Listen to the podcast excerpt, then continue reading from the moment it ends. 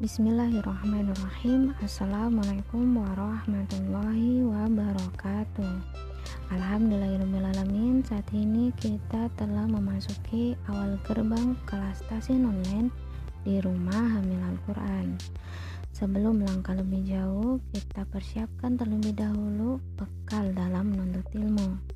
Karena tidak ada ilmu tanpa adab, mari kita punguti terlebih dahulu adab-adab sebagai penuntut ilmu. Saya ingin berkisah tentang luar biasanya Abdullah bin Abbas dalam memelihara ilmu dan penyampai ilmu.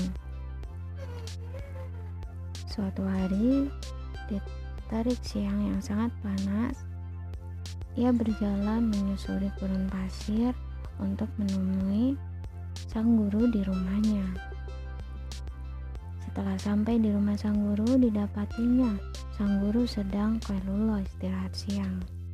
Lalu apa yang dilakukan Abdullah bin Abbas?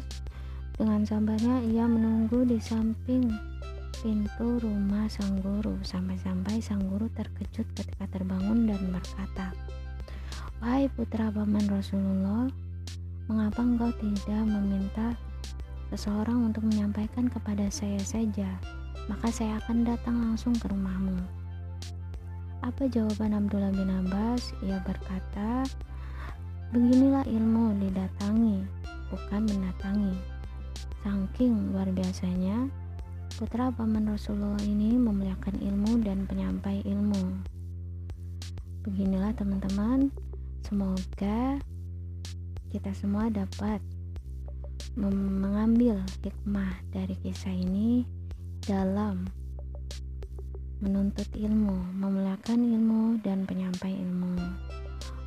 Wassalamualaikum warahmatullahi wabarakatuh.